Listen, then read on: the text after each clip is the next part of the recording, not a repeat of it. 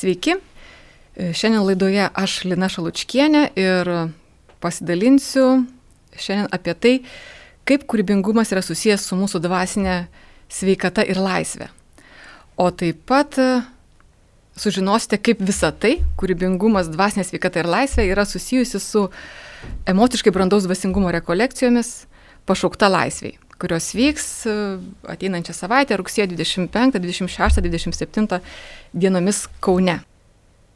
Taigi, ar kūrybingumas yra išskirtinė savybė, kuri yra duota tik kai kuriems žmonėms?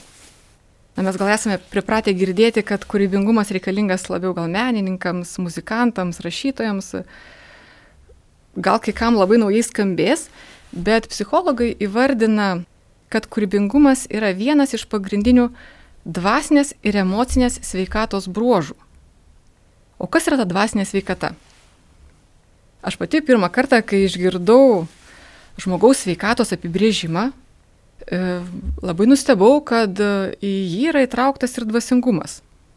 Čia konkrečiai kalbu apie tai, kaip sveikatą apibrėžia tiek ir mūsų Lietuvos Respublikos įstatymai ir pasaulio sveikatos organizacija.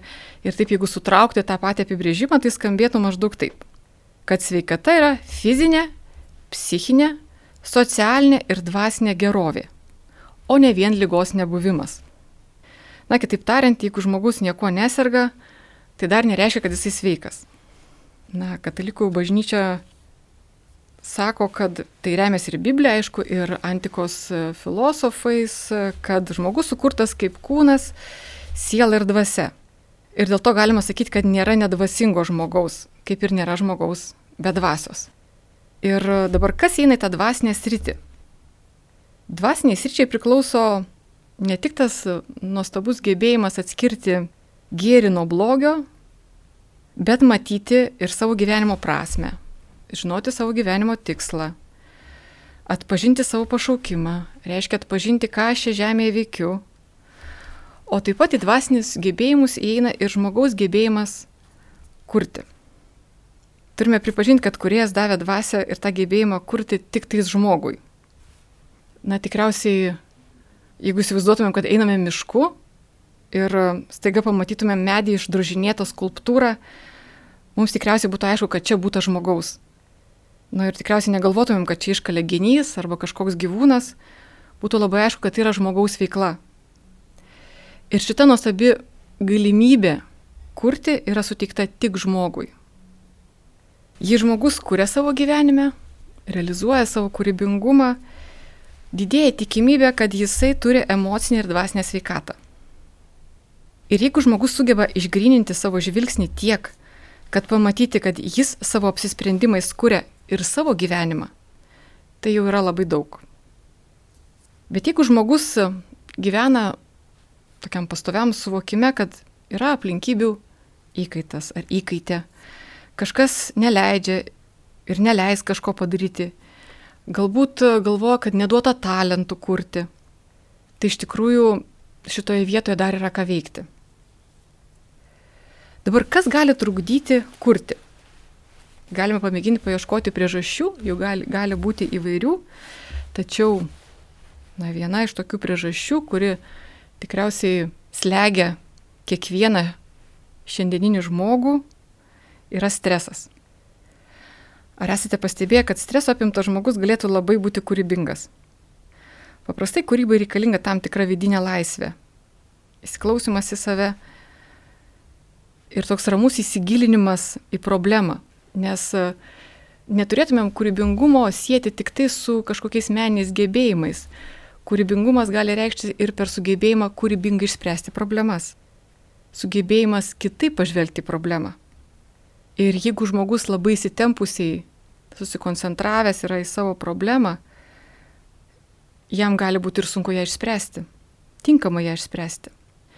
Taip pat jeigu mūsų kasdienybėje yra daugiau dalykų, kuriuos aš privalau arba reikia padaryti ir praktiškai nedarau tų dalykų, kuriuo aš labai noriu, nes manau, kad vis atsiranda svarbesnių dalykų, kuriuos privalau, tai labai didelė tikimybė, kad toks žmogus gyvena streso režime. Ir tik ant darbinio tokio stresinio režimo statant savo gyvenimą turime žinoti, kad gali nukentėti mūsų kūrybingumas ir mūsų sveikata. O taip pat e, tokiam stresiniam režime mes e, sunkiai randame kažką bendro su kitais žmonėmis. Ir va toks persitempęs žmogus tikrai yra nepajėgus kurti.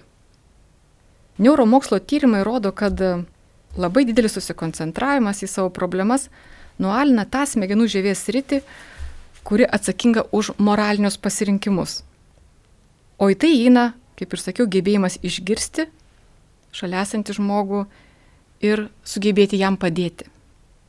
Taigi stiprus susikoncentravimas į savo problemas neleidžia padaryti arba gali neleisti padaryti teisingus moralinius apsisprendimus.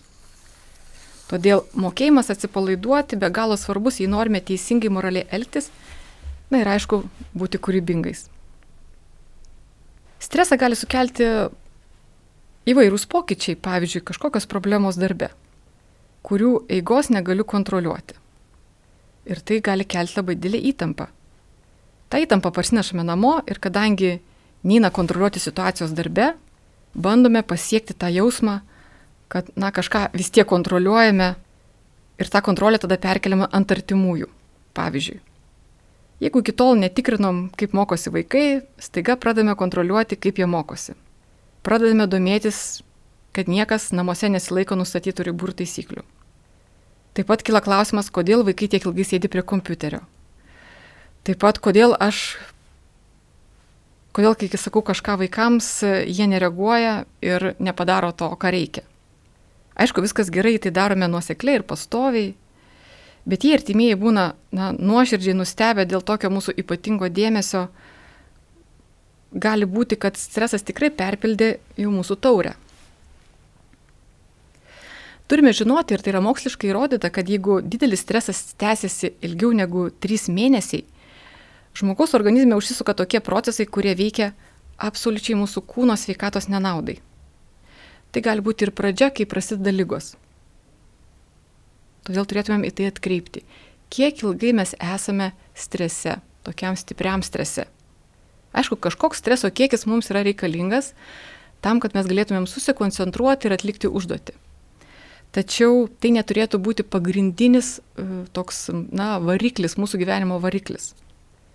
Antras dalykas, e, kas yra, e, būtų reikalinga, tai jeigu sakiau, pirmas dalykas yra sugebėti atsipalaiduoti ar ne ir įveikti stresą, sugebėti įveikti stresą, stresinės situacijas. Tai antras dalykas, kuris reikalingas kūrybingumo, kūrybingumo yra jausmai.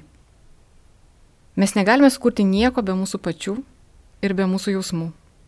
Jausmai leidžia patirti gyvenimą toks, koks jis yra ir koks jis yra man būtent, man asmeniškai. Ne ką turėčiau jausti, kaip reikėtų, kaip priimtina, bet iš tikrųjų, o ką aš jaučiu. Kad ir kas tai būtų pozityvus ar negatyvus dalykai, mes turėtumėm, turėtumėm sugebėti juos priimti. Kadangi aš pati vedu rekolekcijas ir rekolekcijose naudojam dailės terapijos metodus, tai yra emociškai brandaus dvasingumo rekolekcijos, kur iš tikrųjų dėmesį kreipiam tiek į kūną, tiek į sielą, tiek į dvasę. E, aš klausiu žmonių, o ką dabar jauti? Ir tikrai daugumai šiandienių žmonių yra sunku pasakyti, ką aš dabar jaučiu. Todėl tas metodas, dailės terapijos metodai, jie labai pasitarnauja kaip toks tarpininkas suvokti, pačiam žmogui suvokti, o kas yra mano viduje. Ir galbūt leidžia lengviau po to išreikšti žodžiais tai, ką jisai jaučia. Taip pat aš paklausiu, o ką tu jauti savo kūne? Ir kartais atrodo, galbūt yra lengviau pasakyti, kalbėti apie kūno pojūčius, negu apie jausmus, bet net ir tai būna sunku. Kartais į rekolekcijas ateina žmonės, kurie, na, moteris, kurios, tiek vyrai, tiek moteris, kurie tikrai prislėgti labai dėlių rūpešių, Ir jiems yra labai sunku pasakyti, ką jaučia net savo kūne. Sako, mano galvoje yra tiek daug dalykų ir tiek daug įtampos, kad jeigu aš dar pradėsiu galvoti, ką aš jaučiu savo kūne, tai aš tikriausiai net laikysiu. Taigi dėmesio. Emocijos gyvena kūne. Ir jei mes jas praignoravome savo laiku, tai jos tada apsigyvena kažkurioje kūno vietoje. Tai gali būti pečiai, nugara, galva, bet kokia, bet kuri praktiškai kūno vieta, priklausomai nuo emocijos. Ir jeigu ignoravome pakankamai ilgą laiką, tai gali būti, kad šitoje vietoje mes turėsim ir sveikatos problemų. Todėl apsimoka pažinti emocijas, kad jos nenusėstų kūne ir mes neturėtumėm sveikatos problemų. Daugumai žmonių iš tikrųjų pažinti negatyves, neigiamas savo emocijas lik yra, nu, ne tik sudėtinga, bet aišku, ir tai galbūt gali, įsivaizduoja, kad tai yra galbūt ir nemalonu, bet, bet jiems jie išgyvena tikrai didelį gėdą pripažinti savo emocijas, ypatingai neigiamas emocijas. Pas mus iš vis yra įsitikinimas, kad jeigu pasidalinsiu, kad jaučiu baimę ar liūdėsi, tai čia bus visiškas silpnumo ženklas. Tačiau noriu pasakyti, kad pripažinti ir pirmiausia savo pripažinti, ką jaučiu, tai iš tikrųjų rodo žmogaus samoningumą ir žmogaus stiprybę. O dabar padarysime nedidelę pertraukėlę, o po pertraukėlės kalbėsime apie tai, o kągi katalikų bažnyčios katekizmas kalba apie emocijas ir jausmus.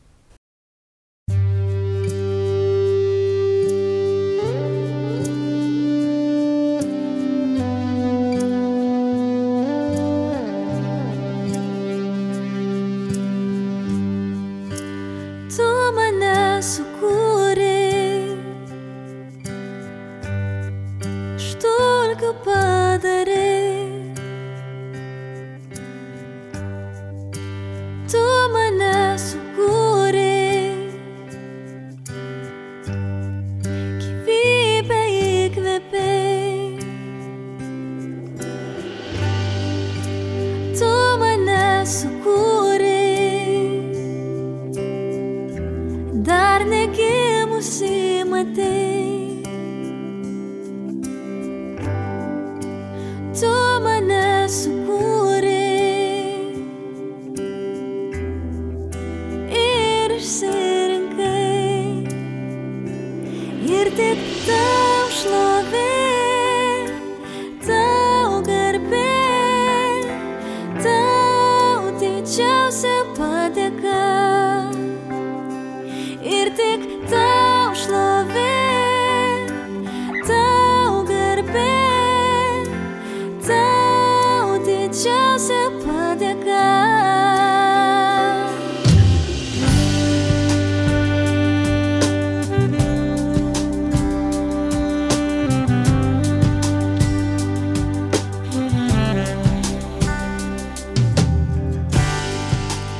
tu mane sukūrei.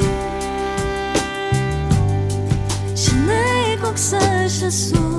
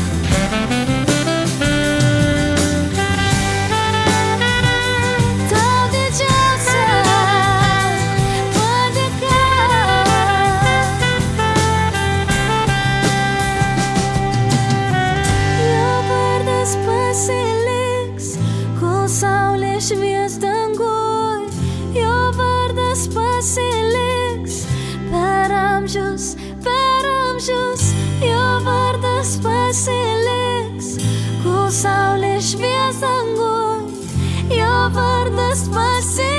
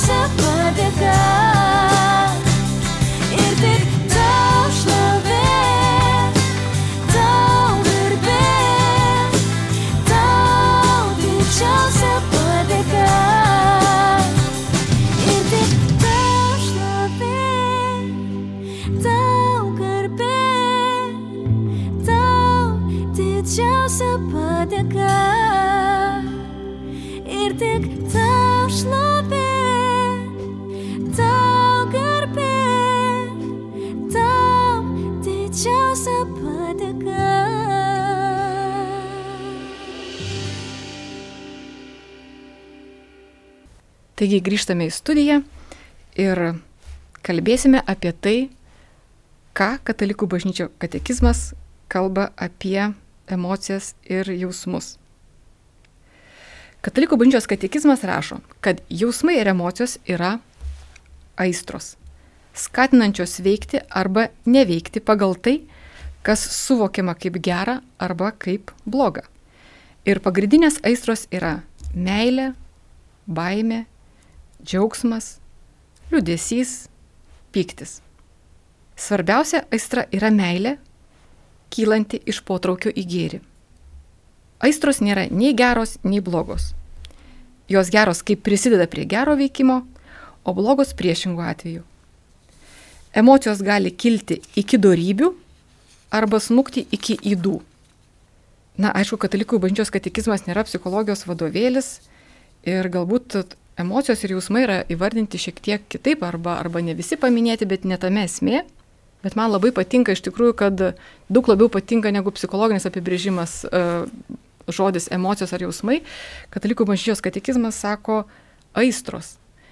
Kai mes sakome aistros, tai daug labiau toks jaučiasi tas atspalvis, kad jos kažkur mus veda, kažkur nori, nu, mus kreipia. Na ir kaip girdėjome pačios savaime, šitos aistros arba emocijos, jausmai nėra nei geros, nei blogos. Visa esmė, kur jos nuveda ir kokį veiksmą paskatina. Psichologai yra įvardinę teigiamas ir neigiamas emocijas. Bet tai toli gražu nereiškia, kad neigiamas emocijas turėtume ignoruoti. Visos emocijos mumise nori būti išgirstos ir pripažintos. Jei mes nenorėsime kurios nors emocijos išgirsti, tai tikrai jos duos žinoti apie save kitais būdais. Nekartą tikriausiai esate ir patyrę, kad ilgą laiką sukauptas pyktis paskui iš tikrųjų trūksta pačioj netinkamiausioj vietoj arba pradeda kažkur skaudėti. Ir čia yra iš tikrųjų labai nu, rimtas, rimti tyrimai buvo padaryti, kad apie 75 procentai skausmų, kuriuos patiria žmonės, yra psichosomatiniai, taip vadinami skausmai, kuriems na, neranda jokio kito paaiškinimo kaip emocijos. Dabar kas būna, jei žmogaus gyvenime dominuoja kažkuri viena pagrindinė emocija? Na, pavyzdžiui, arba pagrindinė aistra, sakykime, ar ne? Pavyzdžiui, žmogaus pagrindinė aistra yra liūdėsys. Tokiu atveju jis atsiduria pavojoje nukrypti į depresiją. Yra daug žmonių, kurie sunkiai įveikia pastoves depresinės nuotaikas. Kartais net visas žmogaus dvasingumas būna pastatytas būtent ant šitos emocijos. Patyrę stiprių sužeidimų vaikystėje vėliau mes atrandame tikėjimą ir asmenį santyki būtent per tai, per tą skausmą. Ir būtent tas vidinis skausmas būna erdvė, kurioje žmogus užmesga santyki su Dievu.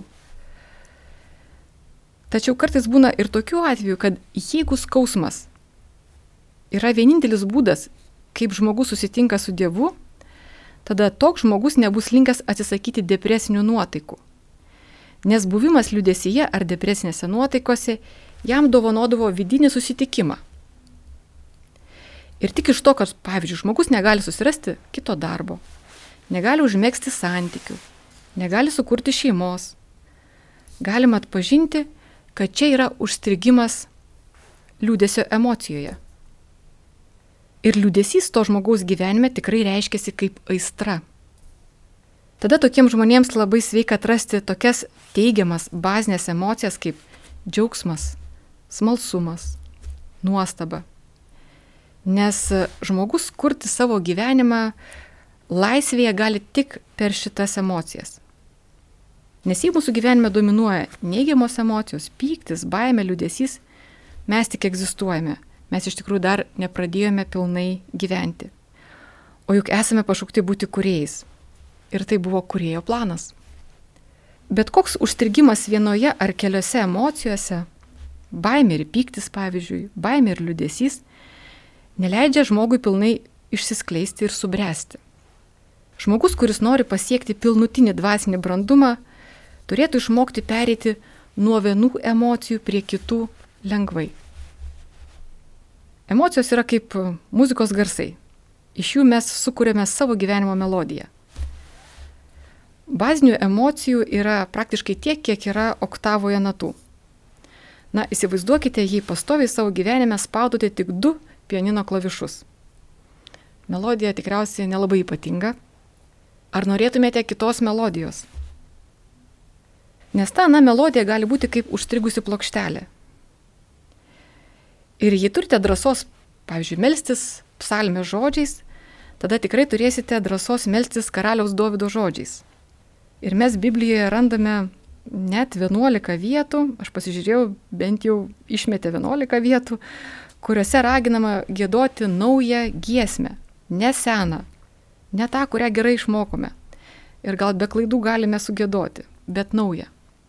Dievas tikisi, kad mes norėsime naujų dalykų savo gyvenime. Karalius Dovydas prašo Dievo naujos gesmės, nes nežino, kokia melodija turėtų būti. Bet karalius Dovydas tikrai žino, kad kai Dievas duos naują melodiją, tai bus tikrai fantastiškai nuostabi melodija, pagal kurią jis tiesiog jau nebegalėdamas suvaldyti to grožio ir gėrio galės šokti apie sandoros skrynę. Ir mes apie tą galime skaityti šventajame rašte. Ir tikrai tas jo šitas šokis nesumeluotas tikras širdies šokis. Biblijoje mes nerandame jokio amžiaus cenzo naujiems dalykams, naujam požiūriui, naujai maldai, naujiems troškimams. Tokių ribų Biblijoje nėra. Trečias dalykas, kuris reikalingas, kad galėtume būti kuriejais, yra laisvė. Šventajame rašte yra labai daug vietų, kuriuose kalbama apie tikrą laisvę. O kas ji yra? Jeigu labai trumpai apibriežti, tai teisingai suvokta laisvė veda į darybės, o klaidingai į įdas. Tikra laisvė kyla iš santykio su Dievu. Ir šitas santykis leidžia priimti gyvenimą tokį, koks jis yra su nuopoliais ir kilimais, su pasisekimais ir nesėkmėmis, su skausmu ir džiaugsmu. Ir tik žmogus tikrai būdamas laisvas gali integruoti suskilusias savo asmenybės dalis, užmirštas patirtis. Ir meilės pagrindų savyje visą tai suvienyti. Tai yra tikrai laisvo žmogaus paveikslas. Taigi apie laisvę ir kūrybingumą bus ateinančios rekolekcijos, kurias ir minėjau, pašaukta laisviai. Būtent jos yra skirtos, šį kartą yra skirtos tik moteriams. Apie jas dar aišku daugiau galite sužinoti įvedę Facebook'e emociškai brandus dvasingumas. Šitose rekolekcijose teorijos bus labai nedaug, na, procentaliai gal kokia 15-20 procentų. E, visa kita bus praktika ir juose dirbama dailės terapijos metodais, kaip ir sakiau, tai yra metodai, kurie leidžia daug paprasčiau išreikšti tai, kas yra mūsų viduje. Šitos rekolekcijos skirtos, to, skirtos toms, kurios nori daugiau laisvės savo gyvenime, kurios nori savo gyvenimo paveikslą įnešti daugiau spalvų. Toms, kurios uh, nori atrasti ir atpažinti naują melodiją savo gyvenimui, taip kaip Davidas. Tam, kad būtų galima dalyvauti šitose rekolekcijose, tikrai nereikia mokėti piešti, na, taip kaip mes įsivaizduojam, kas iš mūsų buvo reikalavimo mokykloje. Rekolekcijose dalyvauja ir tos moteris, kurios nieko bendro savo gyvenime su piešimu neturi. Jos vyksta nedidelėje grupėje ir vietų laisvų yra labai nedaug, beros, jeigu prisimenu, tai gal kokios dvi Šitos rekolekcijos prasidės rugsėjo 25 dieną penktadienį, jos vyks Kaune Papilio 3, e, prasidės penktadienį 6 val. vakare ir penktadienio vakaras bus iki 9. Susipažinsime, bandysime įsivardinti, kaip mes jaučiamės čia ir dabar. Šeštadienį pradėsime pusę dešimtos ir šeštadienio programa nuo pusės dešimtos tęsis iki septynių vakaro. Šeštadienio vakarą pabaigsim mišiomis sekmadienis prasidės nuo pusės dešimtos ir baigsis pusę dviejų. E, sekmadienio diena bus skirta meditacijai ir šitos meditacijos metu iš tikrųjų mes e, medituosime, tai Ignaco Lojolos metodu, o po meditacijos mes šitą patirtį, vidinę patirtį bandysime uždėti ant drobės ir tapysime akriliniais dažais ant drobės. Tikrai raginu nebijoti, jeigu niekada gyvenime netapėte akriliniais dažais, kurie nudžiūsta ir, ir jų negalima nuplauti, tai tikrai raginu nebijoti, tai vis dėlto yra technika ir tai yra priemonės, kurios, medžiagos, kurios leidžia būti taisomas ir bet kas, ką nutapysite ant drobės, gali būti taisoma. Šita patirtis yra gera tuo, kad tai, ką mes atliekame ant balto popieriaus lapo, labai atspindi tai, kaip mes gyvename ir gyvenime. Ar mes e, bijome išmėginti visas spalvas, ar mes kaip tik išdrįstame išmėginti visas spalvas, kaip mes reaguojame, kad o jeigu aš padarysiu klaidą, ar aš galėsiu ištaisyti. Tai visos šitos patirtis yra antiek svarbios, kad, kad jos leis ir gyvenime pajusti lygiai tą patį. Jeigu aš nebijau išmėginti ant drobės naujų dalykų, aš nebijau išmėginti tada ir gyvenime naujų dalykų. Tai nebijotinai tai praplės ir jūsų ribas realiame asmenime gyvenime. Dabar toms, kurioms e, reikės nakvynės, e, turėtų mane informuoti ir būtų galima apsigyventi tuose pačiuose namuose, kur vyks ir rekolekcijos.